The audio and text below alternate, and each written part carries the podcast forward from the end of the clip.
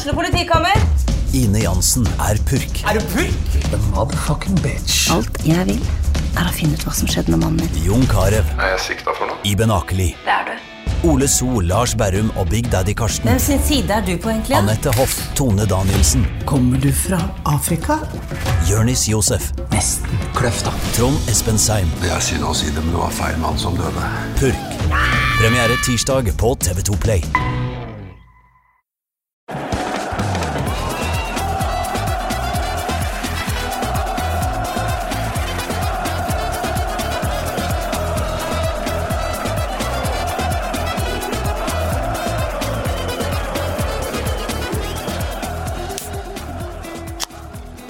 Da ønsker vi velkommen til en ny episode av Pyro og Pivo. Vi har hatt mye hyggelige stunder her i studio hvor vi har prata om eh, gode minner fra fotballreisene våre. Vi skal snakke om eh, minner fra fotballreiser i dag også, ikke nødvendigvis så gode. Eh, Vi har nemlig vært i tåregassituasjoner ved et par ganger, og med meg i dag så har jeg styremedlem i Kanarifansen, Kim Kristiansen. Velkommen. Nei, takk for det. Eh, Jeg jekka meg akkurat en pils, så jeg serverer også rake fra Tyrkia. For vi skal snakke mye om Istanbul eh, blant annet i dag, men eh, du ville ikke ha det. Står over i dag, jeg. Eller sjakk. Omtalt som Norges mest fyllesyke mann eh, i alle år, og nå er du faktisk fyllesyk også i studio. Uff, ja. 30-årslag i går, hørte jeg. Ja, feira god venninne i Lillestrøm i går. Hvor hardt da? Nei, vi dro vel hjem i totida, men det var, eh, var vel en grunn til at vi dro så tidlig, da.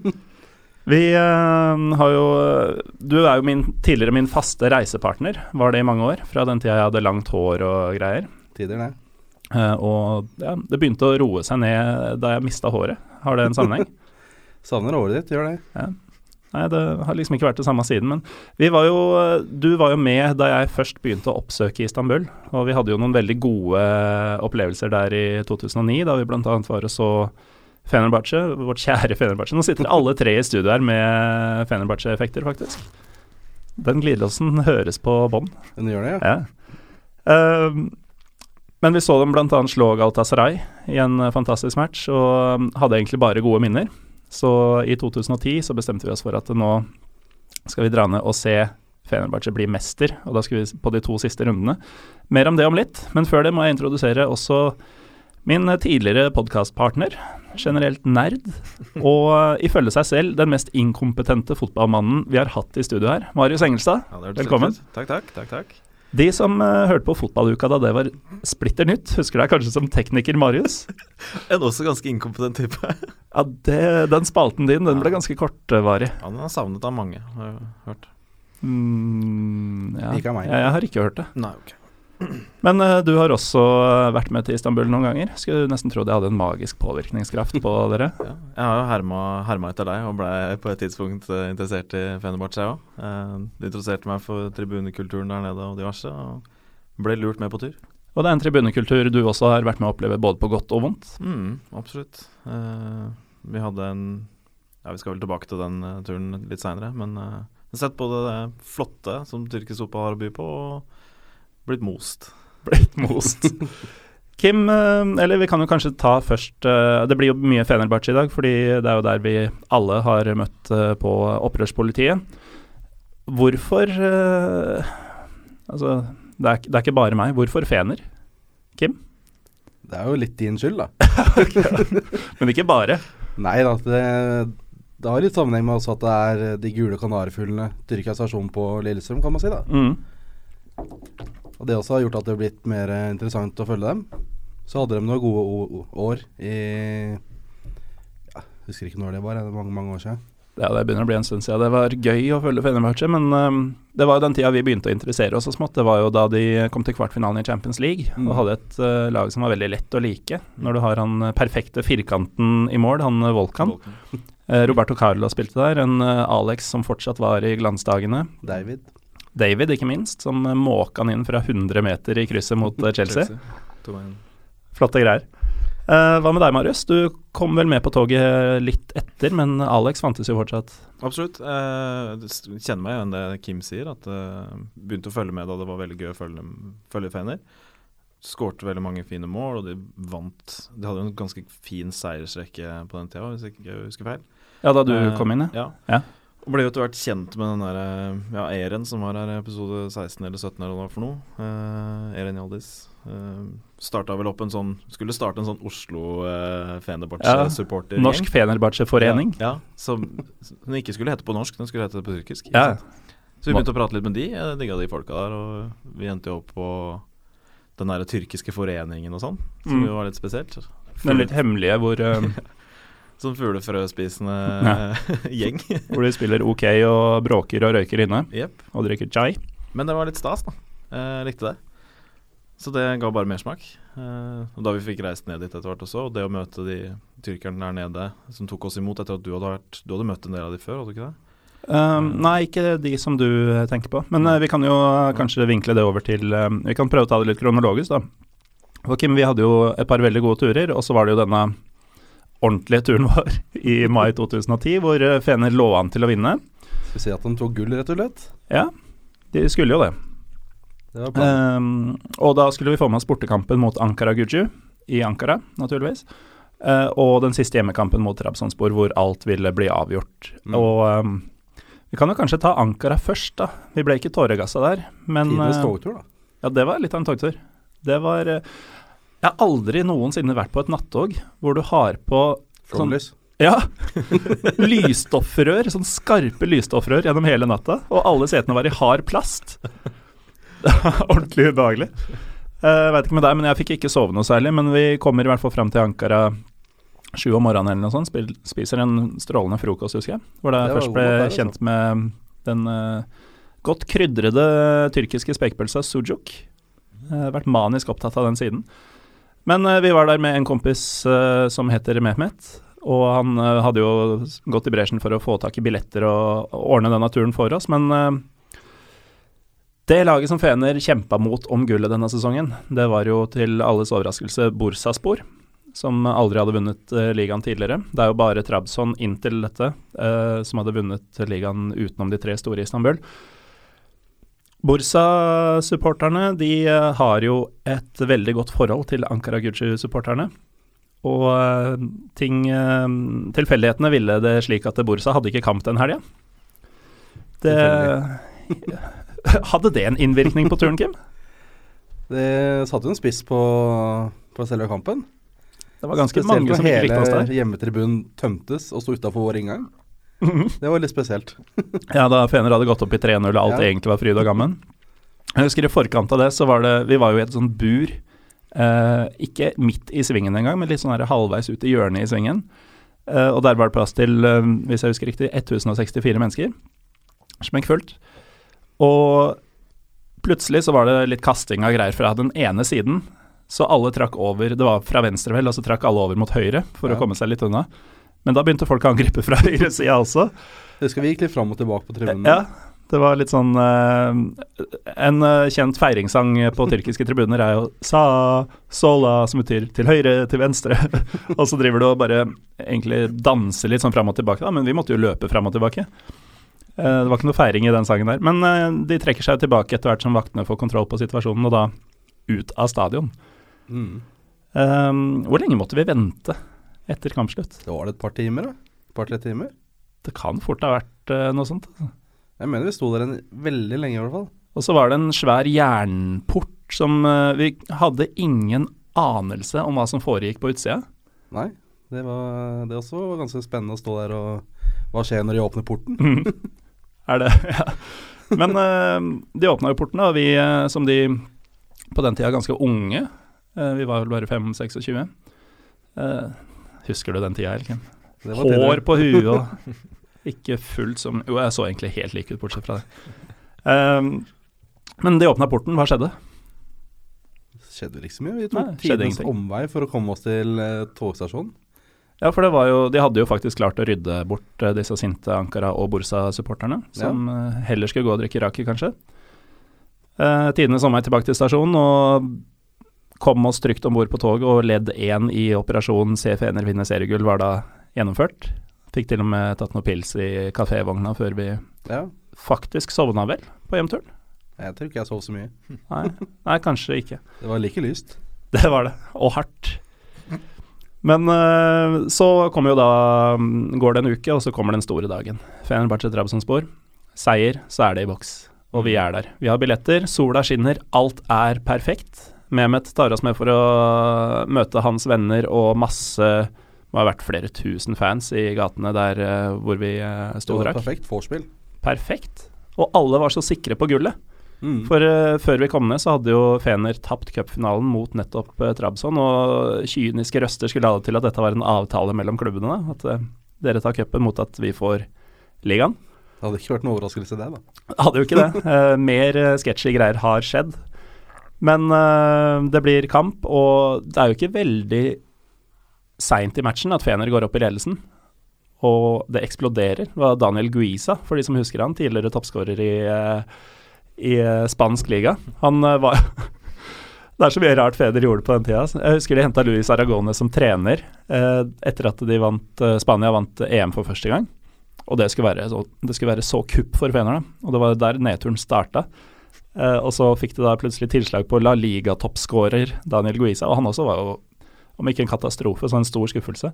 Uh, han skåra målet, det eksploderer, og alle tenker at eh, nå, nå jævler, nå skjer det. Det er nesten som han begynte å skåle i øl man ikke hadde og sånn.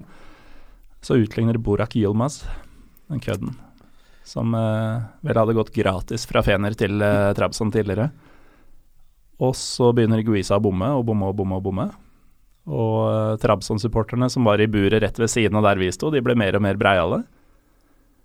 Og så får vi høre at uh, i den andre kampen, Borsa mot Besjiktas, så har Besjiktas utligna. Og det betyr at vi klarer oss med uavgjort.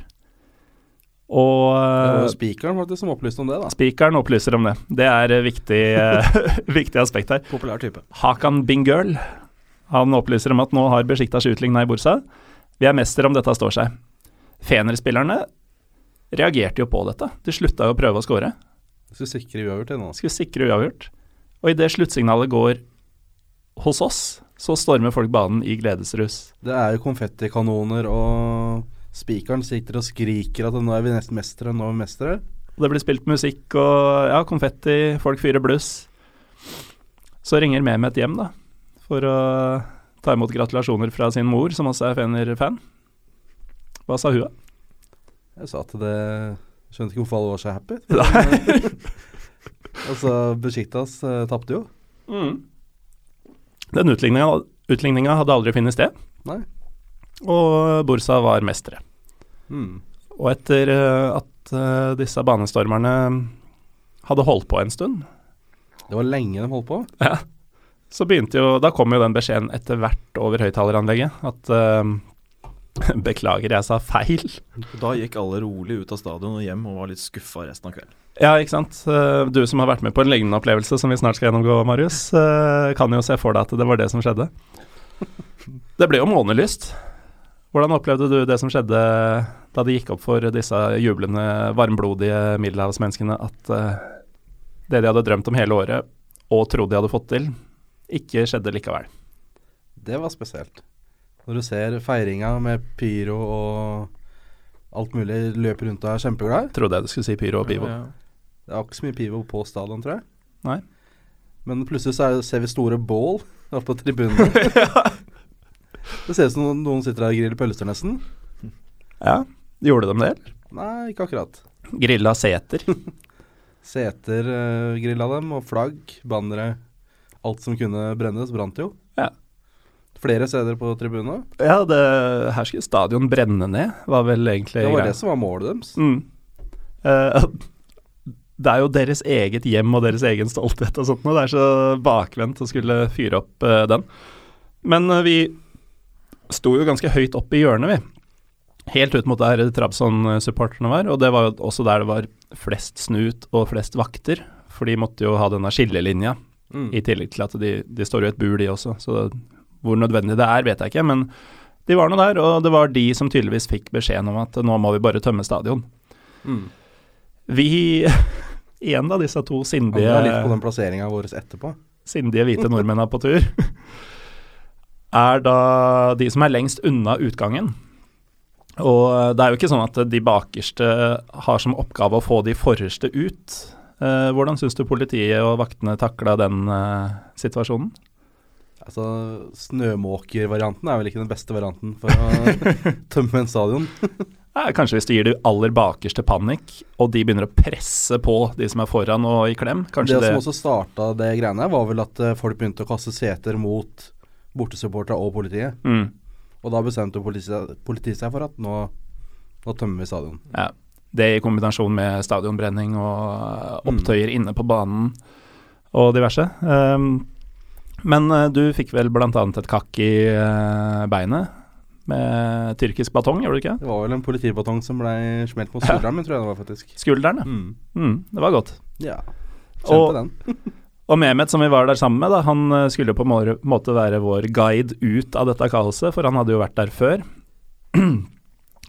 Han uh, fikk jo panikk, virka det som. Han stakk jo av, hoppa over et gjerde, og eh, vi kom jo bort fra han, da. Uh, det viste seg i ettertid at han hadde jo hoppa over et gjerde der det var en trapp på andre sida, og landa forkjært og blitt knocka ut i, uh, i noen sekunder. Når du hopper ned tre meter, så kan jeg jo forstå at det kan skje. Ja, Vi klarte jo faktisk å sjekke hvorvidt det var mulig å hoppe ned et sted, og der det var tre meter, sa vi at nei, vi fortsetter videre der vi går. Politiet står jo og presser på og presser på, og det er Mm. jo flaskehalsvarianten her, da. Ja, det er ordentlig amatørmessig opplegg. Eh, men vi kommer oss ut, da. Og vi, eh, om vi ringte Mehmet eller bare snubla over den, det husker ikke jeg helt. Jeg tror vi så den litt tilfeldig litt uh, Ja, på sida der. Litt, Litt sånn groggy type Ja. som Vi finner han igjen, og han har en kompis i nærheten som, eh, som han ringer, og som kan ta oss inn i huset, for det er jo opptøyene fortsetter jo ute også. Eh, og det er jo her vi møter på denne tåregasskanonen. ja. Den var spesa. Den var Det lå liksom bare sånn sky av tåregass i hele lufta rundt Ja. stadion. Det, du ser ingenting, og du kan ikke puste. Det var, det var creepy.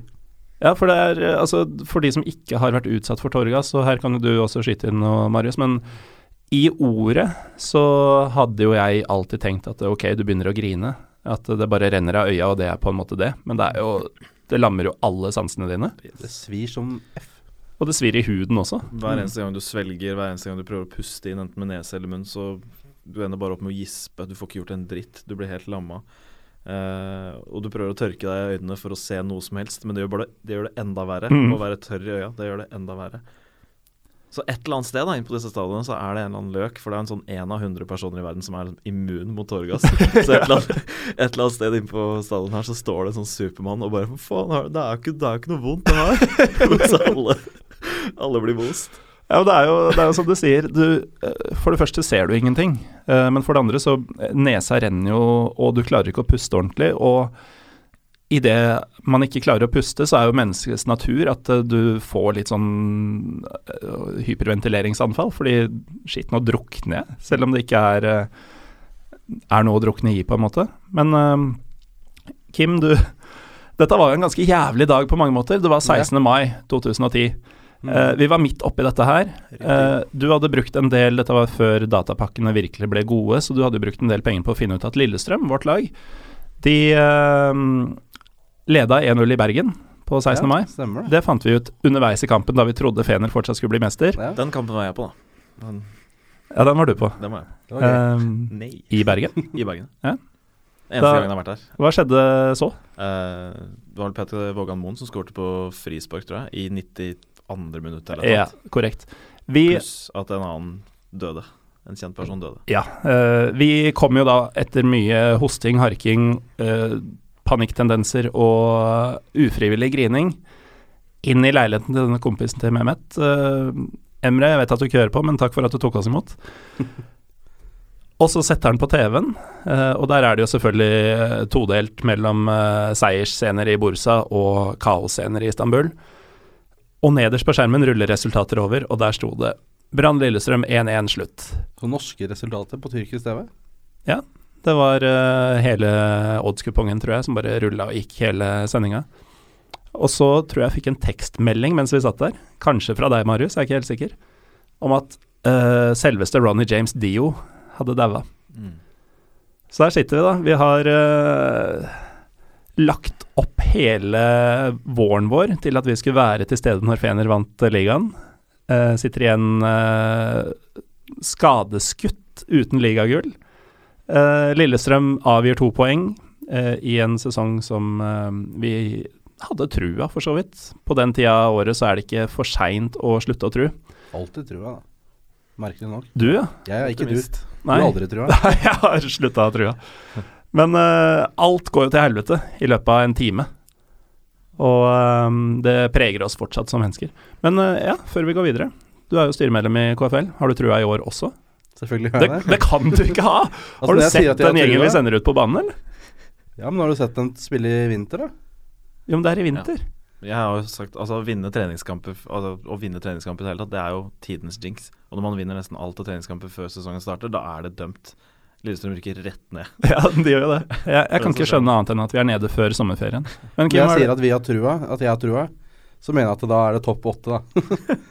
Ja, men det er jo vanvittig Det er jo en fantastisk sesong for oss. Ja. Forsiktig optimist. Men med det laget vi har, som er mye, mye dårligere enn det vi startet med i fjor, eh, som endte med å Av en trener som er ti ganger bedre, og en stil som passer oss mye bedre enn den vi prøvde på i fjor. Hvis Ja, vi kan kalle det noe stil vi hadde i fjor. Alle spillerne er uh, umeritterte 25-åringer fra andre, andredivisjon. Ja, men de har jo gjort det bra i vinter, da. Vi har møtt uh, Vi har slått Sogndal Oh, Storlaget Sogndal. Og Mjøndalen må du ikke glemme. Ja, men vi slo Sarpsborg, da. 4-0.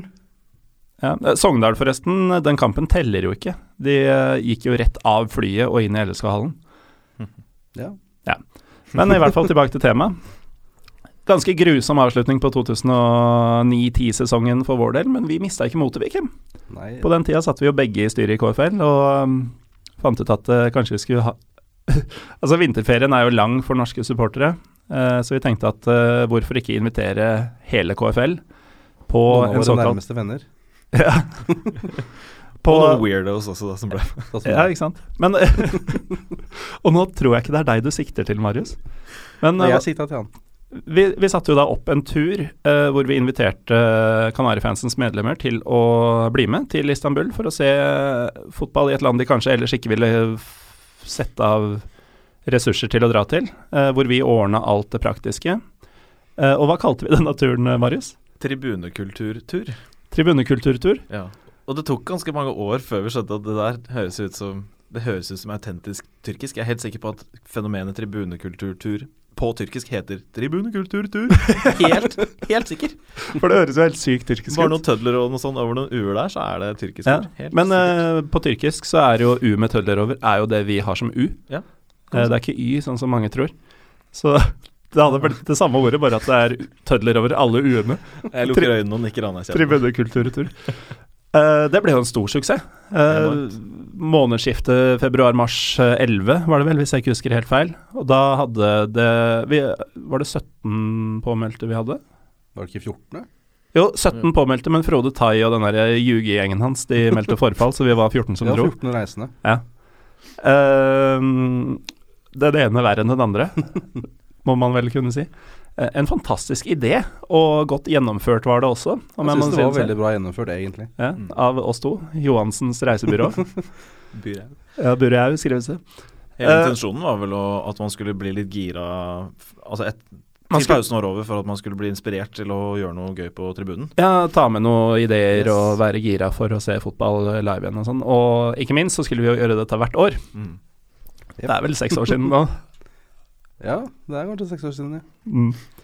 Men uh, vi uh, hadde jo Eller skjebnen ville jo da ha det til at uh, bare en par uker i forveien så var jo en representant for en av Fenerbahçe supportergruppene, Vamas Bien, var i Oslo. Og jeg møtte jo da han på den ene puben i Oslo som viser tyrkisk fotball, og samtidig serverer alkohol, nemlig Ocean. Brune, brune puben i Trondheimsveien. Eh, jeg møtte jo han og fortalte at ja, vi er jo en hel gjeng som skal ned. Og der sådde vi et frø, kan du si. For vi hadde jo rett og slett en uh, velkomstkomité. Det Eh, var eh, veldig bra opplegg fra tyrkere, faktisk. vi eh, møtte da denne Eren Nei, Hallok nei. Nei. Eh, Nå står det stille. Emin. Emin, ja. Ja, det er ikke lett å holde, eh, holde styr på alle disse e-navna på tyrkisk. Er en del. Vi kan jo eh, ramse opp eh, folk vi kjenner. Ja. Eren, Emin, Emre, Engin, okay. Erjan, okay. ok. Erkan osv. Det er ikke bare bare. Eh, men vi ble jo nesten tatt imot som, om ikke helter, så fikk vi jo en meget varm mottakelse. De har eh, denne parken like ved stadion, Giorgio-parken, som betyr yoghurtmaker- eller yoghurtselgerparken. Eh, hvor um, de har vel eierinteresser også, i en kiosk rett over gata som selger øl. Så der fikk vi kjøpt øl. Og um, meget, meget god forbrødringsstemning eh, i timene før kamp. Enormt kult. og Det ble, endte jo opp med at det ble en sånn battle mellom, eh, mellom dem og oss i Kanarfansen, med, med sanger og greier. Masse hopping og Var det noe bluss der òg? Var det noen som fyrte opp noe greier? Jeg blussa, Ja. blant annet. Ja, det var kult, video det altså. på YouTube. Det var Ja. ordentlig kult. Og ja, som forbrødring. Fint Og norske som vi var, så hadde vi med oss tyrker. Stemmer det. In Norwegian, this is called tyrker. Ja. Det digga de, da. Fortelle dem eh, at det heter tyrkisk pepper på norsk. Det digga dem. Og de hadde jo aldri smakt lignende. Altså, Raki som vi sitter og drikker her nå, har jo et lakrispreg i seg. Eh, Mm. Det går ikke fort, det glasset, Nei, det forresten. det. Det er ikke godt. For dem som ikke har vært borti det før, så ligner det veldig på den Ozo Ja. den fra Hellas. Mm. Og eh, ikke minst arak, eh, dette palestinske eller eh, arabiske brennevinet som jeg fikk æren av å prøve i Betlehem for noen uker siden. Eh, men vi hadde jo en fantastisk tur dit. Vi fikk se Fenerbahçe mot Kasim Pasha. Mm. Eh, du spådde vel 2-0 og strafferedning? Ja, jeg spådde strafferedning. Og da, det blikket jeg fikk av Baris Barish, var det vel da? Etter at jeg hadde calla det noen timer tidligere. Det var ganske sjukt. Det var ganske sjukt. Storøyd type. Og så spilte jo Azar Karadash. eh, vi må huske at alle disse 14 norske var Lillestrøm-fans på sin hals. Azar Karadash spilte for Kasim Pasha. Skjedde ikke noe i den forbindelse, Kim? Ronny Hallén ropte vel noen velvalgte gloser eh, til han. Dette er da en mann som eh, har røst til å være forsanger på et tribunefelt. Og han blei jo forguda av alle som sto rundt oss.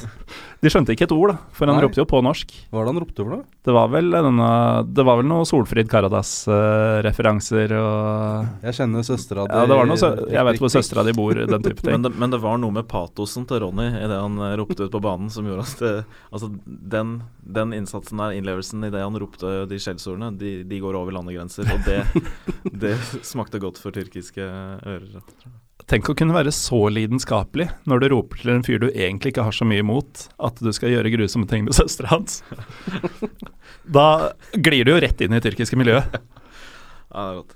Så vi hadde, vi hadde rett og slett en strålende tid der mellom tåregassen i 2010 og historien du snart skal fortelle, Marius. Men uh, på den turen så fikk vi jo med oss en kamp til. Vi var jo langt ute i Gokk, uh, og så um, Risespor mot Gunn Gøren. Ja. Gungøren Belediespor. Ja. Uh, Gungøren var vel det området Dette var i 2011. Det var vel der det hadde smelt noen terrorbomber i 2008. Mm. Og det var i det hele tatt et sted hvor det ikke så så mye turister.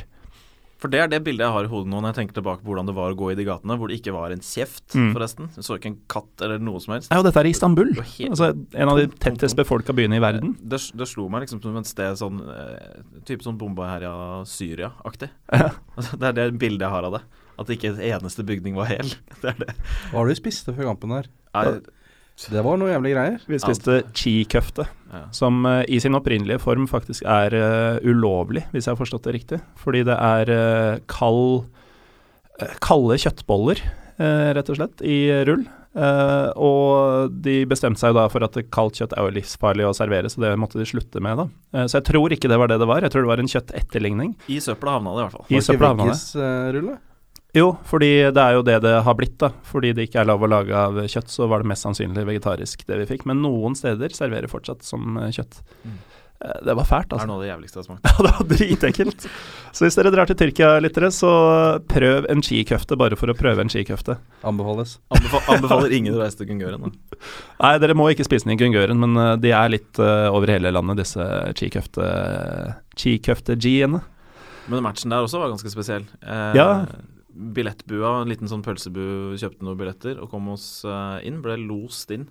Jeg hadde ikke trengt Ble vel most inn, akkurat Ja, dere to. Ja, most inn, faktisk. Eh, Det er vel en tradisjon. Det er, er litt sånn programforplikta til å gjøre det i Tyrkia, at man må presse inn flere av gangen gjennom de der, de der gitterne som snurrer rundt. Jeg vet ikke hva det heter. Sånn folkekontroller Telleapparatet. Telleapparatet. Og jeg og Kim her ble jo dytta inn i samme sånn, fordi her tenkte de at her blir det utsolgt, så da må de få inn flere enn det den egentlig har kapasitet til. Mm. Det var veldig trangt, og vi kom oss inn. De skjønte at vi var norske. Eh, så vel at vi så litt rare ut, og spurte hvor vi var fra. Og da fikk vi VIP-plasser. VIP og og vipp. ja, jeg, jeg sier VIP-plasser når jeg forteller det her til andre. Eh, vi fikk sitte på vår egen halvdel av en langside, er vel nesten riktig.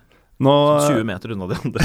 Så så ut som de hadde det ganske gøy. fjerna fra de som hadde det fett, og så satt vi på sånn døll, bortgjemt eh, krok. Men det følger noen fordeler med å bli satt på VIP-tribunen, for vi fikk jo tross alt noen avispapir å sitte på og greier. Ja, selv om vi var langt under tak og setene ikke var så veldig møkkete. Eh, men vi hadde kortest vei til dass. Eh, og alle som ikke var VIP, kunne da gå gjennom VIP-området for å komme til dass. Men uh, apropos det, jeg tror um, Nå høres det ut som litt sånn harry name-dropping, og kanskje det er det også, men jeg, jeg, møst, jeg møtte Asbjørn Slettemark i dette studio eh, for en ukes tid siden. Uh, og han uh, var jo litt fascinert over Israels-turen vår. For han har jo uh, bl.a. sett fotball i Damaskus. Sick. Og da havna han eh, på Nå føles det litt sånn dritt at jeg skal fortelle denne historien, men eh, han havna da på et eller annet vis på eh, generaltribunen eh, under en syrisk fotballkamp i Damaskus, hvor det bare satt syriske generaler og han. Det, dette var eh, i 2009, hvis jeg ikke tar helt feil. Og det, altså, de folka han så kamp med, det er ikke få av De dem som har ikke. De har gjort ganske grusomme ting i ettertid. Altså. Ja, det tror jeg. Jeg lurer på hva de folka vi så match med i Gungø- i Gungøren eh, har gjort siden. Men det var litt stilig, da, hvordan folk eh, på eh, altså den vanlige tribunen, der hvor de vanlige sto, de hadde Ja. på seg alle mulige slags supportereffekter. Masse Ja. forskjellige typer drakter og Hvor i svarte fikk de disse fra? Nei, gudnøtt. Må stjålet det. Det var jo noen, som prøvde, noen av oss som prøvde å få kjøpt noe skjerf og sånn, men det var jo ingen steder som solgte det. Nei, men det jeg mener er at De hadde jo Fenerbahçe-drakter og Galatasaray og Ja, sånn, ja. Sånn om hverandre. Det er jo den andre divisjon, ikke Ja. sant. Så var det ikke helt den store rivaliseringa. Det var jo Nei, kanskje ikke. ikke Og det, det er vel litt sånn som uh, mange i uh, byer i England f.eks., som har et lag i League One og sånn, følger gjerne et Premier League-lag også, bare sånn for å gjøre det. Det er vel litt der det ligger, kanskje. Eh, men i samme by er det jo litt rart, da. Men var ikke noen kjente spillere på banen den dagen, eller? Jo, det løp en litt sånn halvtjukk eh, 40-åring utpå der. han er vel 40 nå. Freddy Adu spilte matchen. ja. Ble bytta ut til pause, hvis jeg husker riktig. Han var tjukk og stillestående, og ifølge um, offisielle kilder var han da 21 år gammel. Det får ikke til å stemme. Han skal være 27 nå. Nei, det er ikke greit. Det er ikke greit. Bytta ut til pause. eh, gjorde ingen stor figur. Han var en stor figur. Ja, altså, men han gjorde ikke noe særlig ut av seg. Nei. Stor karriere i ettertid, da. Det skal han ha. Ja, ja. Det er vel i Finland nå, hvis jeg ikke tar helt feil. Det er Ja, det rå fotball i Finland. Altså. Ja. Spiller for Rups eller uh, Taps eller uh, Ripsbusk eller noe sånt. Vi hadde da blitt tåregassa i 2010, Kim. Eh, hadde en stor opptur i eh, 2011 med denne turen, blant annet. Jeg var jo senere også ned og fikk faktisk se Fener bli mester. Da jeg dro med denne Vamas-ben-gruppa på bortekamp i Sivas. Det dekka vi også i episode 16 med Eren, som Marius refererte til tidligere. Har du fortalt om den bussturen? Nei. Den var lang. Hvor lang tid tok det? Det tok 14 timer hver vei. Det var oppfordra til massiv drikking på bussen. Eh, noen røyka også substanser som ikke er lov å røyke. Problemet mitt, da, som er mest glad i å drikke øl eh, når jeg drikker, eh, selv om jeg nå drikker rake, det er jo at eh, når man drikker øl, så må man tisse en del. Og denne bussen som skulle frakte oss eh, til og fra Sivas, 14 timer hver vei, hvis alt går etter planen, hadde jo ikke do. Og disse harde drankerne, som var de som snakka engelsk, og de som jeg allierte meg med tidlig på turen, eh, de eh, drakk seg jo selvfølgelig til, eh, til søvns. Så jeg var jo Flere ganger måtte jeg gå rundt på bussen og sjekke om noen snakka engelsk, for å spørre om de kunne be sjåføren om å stoppe, sånn at jeg kunne pisse. Ikke helt uh, gull, men uh, enda bedre opplevelse for så vidt enn eh, enn det vi var sammen om i februar. Det er derfor jeg ikke vil fortelle så mye om det nå, for da blir dere bare misunnelige. Ikke så mindre misunnelig på han sjåføren du hadde, da. Han som var dritings og stein. Han som måtte spy fordi han var så drita. Jeg er så glad jeg ikke så det, at jeg heller fikk den fortalt i 2015 eller noe sånt. Men eh, vi var jo eh, fulle av friskt mot da, etter fadesen i 2010, Kim, så mm, Ja, nå var for så vidt ikke du med på den turen vi skal til nå, men eh, 2012, ny gullkamp. Og dette var jo en eh, sesong litt utenom det vanlige, fordi de i Tyrkia hadde bestemt seg for å innføre et sånn idiotisk playoff-system. Og det var en sesong hvor Galatasaray var fullstendig overlegne i ligaspillet. De eh, vant vel ligaen med ni poeng. Åtte-ni poeng. Noe sånt.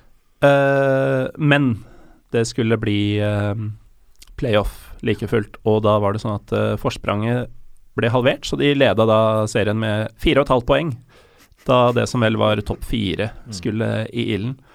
Og eh, etter å ha vunnet eh, bortekampen mot Galatasaray bl.a., og i det hele tatt herja mot de beste lagene, så lå det an til at Fener var nå bare Ja, de var såpass lite poeng, jeg tror det var ett og et halvt eller noe sånt bak Galatasaray, at eh, med seier hjemme mot Galatasaray i den siste playoff-kampen, så ville gullet likevel bli Fenerbahçes. Mm. Selv om det ville vært et ran uten like.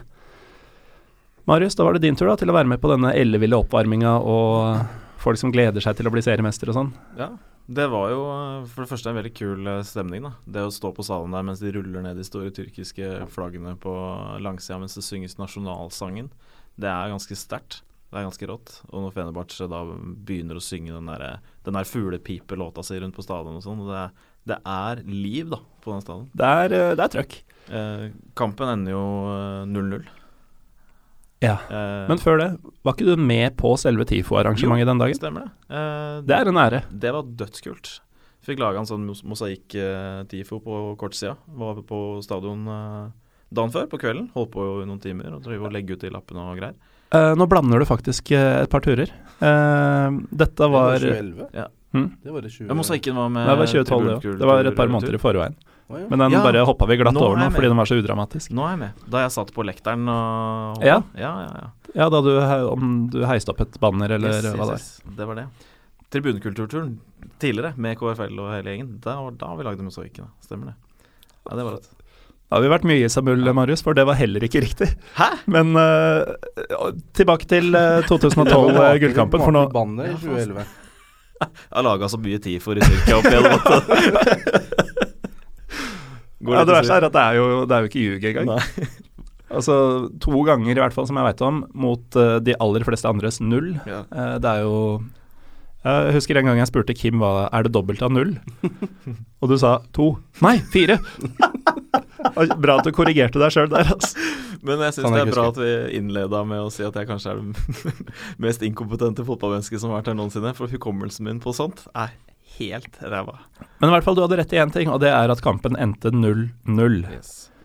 Hvilket betyr at ikke bare glipper gullet, som de gjorde i 2010, som var ille nok, Mm. men Galatasaray skal feire gull på Feners hjemmebane. Og tjukke i huet som de er, så står de jo og hopper opp og ned og feirer når kampen er ferdig òg. Det varte ikke så lenge, da. Opprørspolitiet kom jo stormende ut. Jeg tipper at de var 80-100 mann eller noe sånt. Danner sånn stor jernring rundt alle spillerne, og de står fortsatt og jubler. Da klikker det jo for eh, de Fenerbahçe-supporterne som står på eh, tribunene.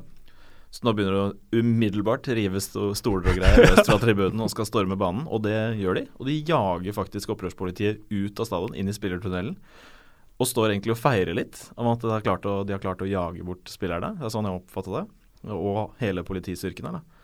De kommer jo tilbake igjen, de. Ja, For snuten også løper jo inn i Ja, ja, alle forsvant ut. Så Mm. det var masse gærne Fenerbahçe-fans ute på Eller hooligans, om du vil. Ute på banen og feira. Så kommer jo opprørspolitiet inn igjen. Da har jo de henta enda mer utstyr. Enda flere gadgets de har lyst til å teste. Eh, blank, blankpolerte store sånne tåregass-brannslukningsapparater, nesten. Sånne store sprayflasker. Ja, og ikke minst eh, disse kanonene. Ja, så eh, Jeg har en film hvor jeg filma dette, dette opprøret her, og da hører du, du Det delte vi på vår Twitter i dag, for de som vil se den. Ja, kult.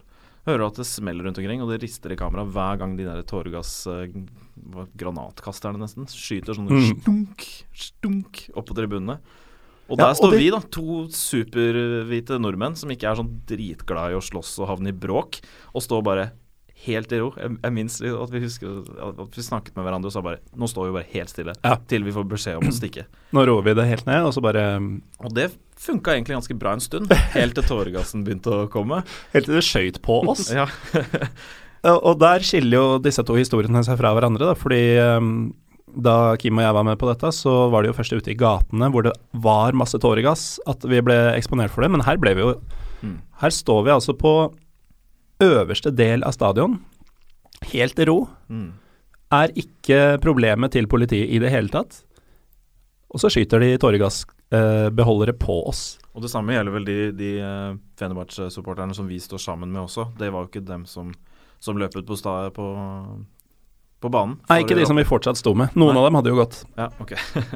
Men da husker jeg vi, vi trakk lenger bakover, eh, todelt eh, tribune, hvor det er noen sånne glipper langs med liksom hele stadion hvor det slipper inn litt luft. da. Mm, Der helt står- øverst. Der står vi med trynet trøkt ut mot, uh, mot, det, mot frisk luft. Vet da hvordan det er å måte være overlevende på en eller annen båt som synker eller noe sånt, og prøve å få- liksom, få i seg den siste kjeften med luft før det er for seint. Det var ordentlig kjipt. Det var ordentlig kjipt. Da husker jeg så både et av de bedre menneskene og et av de verste menneskene jeg har sett i mitt liv. Eh, det var én eh, mann som tok av seg alt han hadde av klær på overkroppen, skjerf og T-skjorte og genser og alt, eh, og bare dytta foran trynet på dama si, sånn at hun skulle ha en slags pustemaske, mens han sjøl sto og nærmest spøy. Det verste mennesket, det var vel han som Var det deg? Jeg så i hvert fall Nei, nei, altså, nei men som var, som var offeret for det verste mennesket. Jeg glemte glemt, dette jeg fortrengt. For jeg så en fyr som panisk løp opp til toppen der hvor denne luftglippa var, og røska av Mm. en som allerede sto der, og det tror jeg kanskje var deg, Ja, det, det, som fløy nedover plutselig, for at han selv skulle få luft. Nå demrer det. Men jeg har, jeg har ikke noe hukommelse eller noe minne av hvordan vi kom oss ut. Det, det, eneste, Nei, det har ikke jeg heller. det eneste jeg husker, var at vi omsider kom oss ut nede. Mm. Og det første synet som møter oss da, er en politibil som ligger eh, opp ned. Jeg er ikke sikker på om den har brent ennå, eller om det var seinere. Men knust glass overalt. Ehm, Må jo være lov å si at det var vel fortjent etter måten de håndterte uh, blant Ja. annet oss på inne på stadion. det kan du godt si. Uh, kan ikke akkurat trekke paralleller til det vi har opplevd i Norge de siste åra, men uh, ja. Det har vært Man noen kjipe litt- vakter i Skien og sånn. Men man gjør det litt annerledes sånn jevnt over, da, kan man jo si. Ja. Eh, hele sykehuset Arajolo ligger jo ute på en sånn Jeg har lyst til å kalle det en sånn peninsula. Fordi eh, den ene delen, altså den ene siden, baksiden av stadion, vender ut mot motorveien. Mm. Eh, der er det ikke noe å gjøre. Du kan ikke gå der noe særlig. Og den andre siden vender mot, måte den asiatiske siden av Istanbul. Mot sjøen, da. Men der er det en liten bro som du må over hvis du skal ned mot byen igjen, eller ta båten over, ikke sant. Eh, på den brua, som da er like bred som altså, to, to felt, liksom, akkurat Mm. nok til at en bil kan kjøre hver, hver vei, der var det jo kamper mellom folk som var i harnisk, og opprørspoliti. Så der, der skjøt de også med sånne tåregassgranater. Ja, der var det jo bare en svær sky av tåregass. Yes. Eh, og tåregassgranatene som ble skutt ut av disse her eh, geværene, og det gnistra i asfalten, og det var egentlig ganske sånn Det var sånn krigsscener, sånn som man har sett på TV, egentlig. Um, vi ble jo da på en måte dytta lenger og lenger ut på den lille halvøya som stadion ligger på, hvor det er en sånn fin sykkelsti og greier. Ikke fysisk av noen, men av den skyen av tåregass som på en måte Ja, vi måtte bare, Den kom nærmere og nærmere. Det var det eneste lenger stedet man kunne slippe unna. Mm. Ja, Det var ganske drøyt. Da husker jeg det var en del som I den lille kanalen som går da under den lille brua, der ligger det sånne små båter. Mm. Og da var det noen som prøvde å eh, låne på ubestemt tid de små båtene for å skyfle folk over det lille ministredet. Men det var også noen faktiske båteiere som eh, jeg tror tok ganske godt betalt for å bare hjelpe folk over. Ja. Eh, og dette er jo også veien over til den parken som vi nevnte tidligere, hvor Vamasbien har eh, sitt uoffisielle hovedkvarter, og der hvor vi regna med at alle skulle møtes når ting eh, Ja, når man klarte. Eh, så det var jo dit vi ville. Mm. Men eh, vi ble jo bare skjøvet lenger og lenger vekk av denne skya. Det var jo den, i det hele tatt en kveld full av galskap. Når man så nyheter seinere og sånn, så var det jo noen som hadde prøvd å sette fyr på en bensinstasjon Yes. og greier. Jeg var jo der oppe, jeg. Eh, helt oppe ved den bensinstasjonen eh, like etterpå. Eh, da alt hadde roa seg. Ja, for vi skilte Eh, veier, vi. Yes, vi skilte Mm. veier.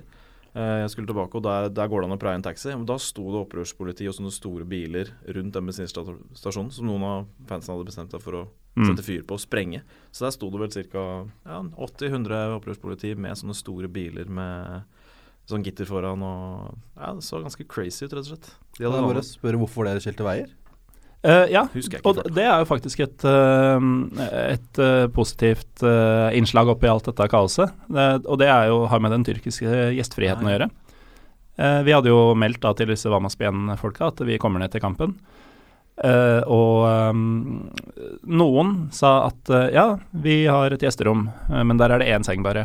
Så det går fint at en ligger på sofaen også, det er ikke det, men Så var det en annen som også meldte at ja, jeg kan egentlig ta inn dere begge to, men uh, da tror jeg jeg allerede sa- hadde sagt ja til det første. Uh, og det betydde at vi bodde i to forskjellige hjem. Mm. Uh, du bodde hos Barish, og jeg bodde hos uh, Seskin og Sedef. Mm. Sedef, som for øvrig nå heter Sener. Blitt en mann, rett og slett. Ja, er på vei. jeg har gått på vei også. Nå er ok, nå er det veldig internt her, lyttere, men vi må jo nesten gjøre dette til en shout-out. Det, det må jo være modigste personen vi kjenner. Ja, I dagens Tyrkia så Mm. har da denne Sedef, som var lillesøstera til uh, hooligan Seskin For øvrig, um, på video, uh, opptøyene i Tyrkia i 2013, så ser du han faktisk kaste murstein etter politiet iført en Kanarifansen-jakke. Det er bonuspoeng, det. Men lillesøstera hans, da, Sedef, hun uh, har ikke alltid følt seg som en søster. Og har nå de siste, siste halvannet året cirka tatt steg på vei mot å bli en mann. Det i et samfunn hvor eh, religionen står stadig sterkere, personlige friheter står stadig svakere, Mm. og nå er det snart et valg der som kommer til å gjøre dette enda verre igjen. Mm.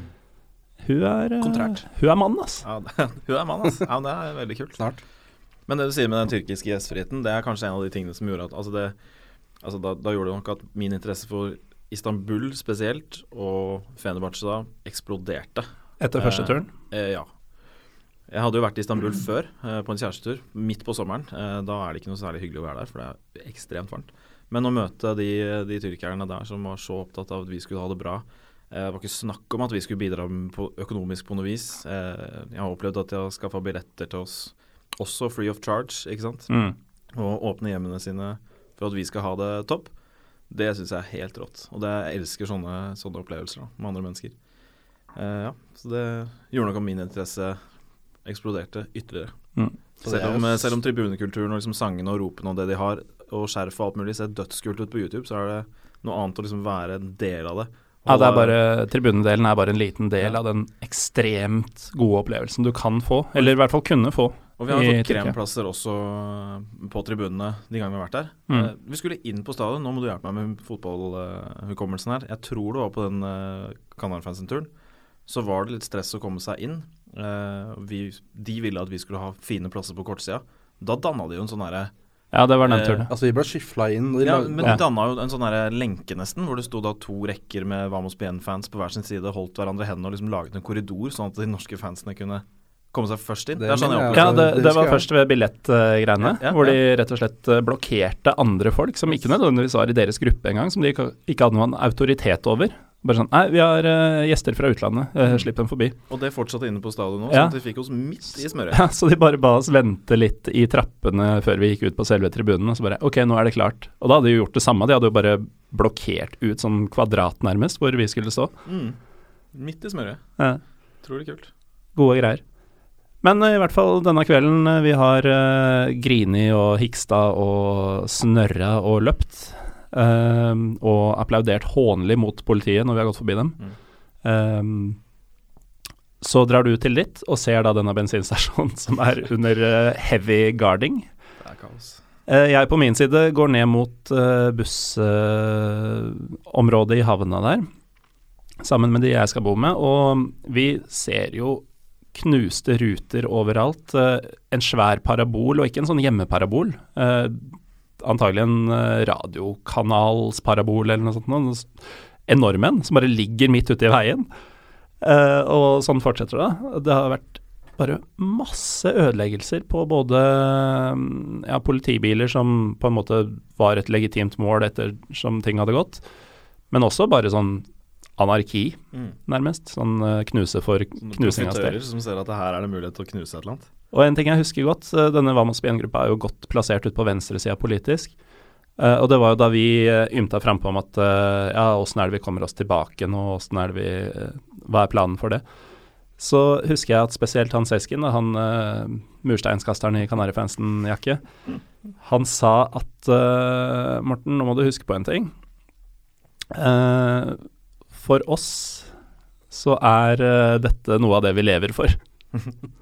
Han er jo da eh, både punker og anarkist og har da denne lillesøsteren som nå er en lillebror, og i, det hele tatt glad i det harde liv. Men uh, det var litt morsomt at uh, den der tyrkiske gjestfriheten og passe på at uh, vi har det bra og sånn greie, den måtte på en måte vike litt tilbake, fordi nå var det en mulighet for å lage faenskap. Har, vi, har vi glemt noe? Eller er det rom for å runde av? Det er vel helt sikkert. Jeg kommer ikke på hva det er. Eneste jeg kommer på, er vel det, en annen grunn til at det ble ekstra opptøyer på akkurat den matchen vi snakker om nå, er at uh, basketlaget til Panathinaikos var i Istanbul den dagen. Uh, spilte europaligakamp. Ja, det var vel Final Four, tror jeg. Eh, det vil si finalespillet i uh, Euroleague. Og dette er jo svært i den delen av verden. Mm. Uh, Fener-supportere nå, etter det var vi også gjennom i den episode 16, uh, går jo heller på basket enn fotball pga. diverse omstendigheter. Uh, basket er enormt. Hva skjedde, Marius? Nei, og Galatasaray-supporterne hadde jo ikke Eller no bortesupportere allowed inne på Sjukru Sarajulu pga.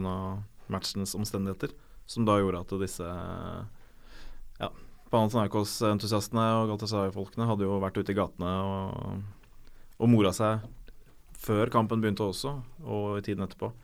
Så jeg har jo sett bilder av uh, ganske store opptøyer over på Taksim-området på andre siden av Bosporostredet. Ja, dette er jo helt på andre sida av byen. Så en helt jævlig dag for uh, Istanbul by. Ja, det er Texas. Mm. Folk døde vel òg?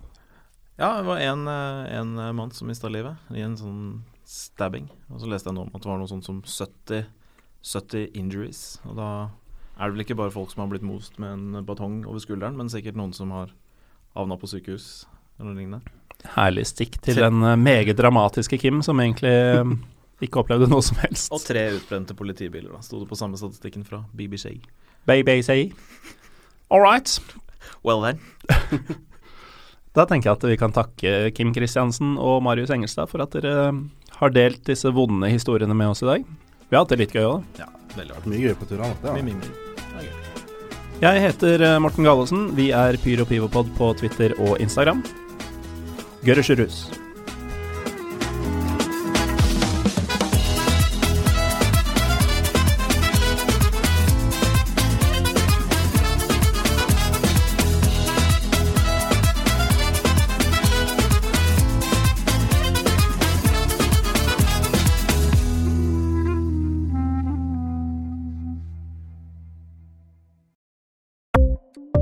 Ukens annonsør er HelloFresh.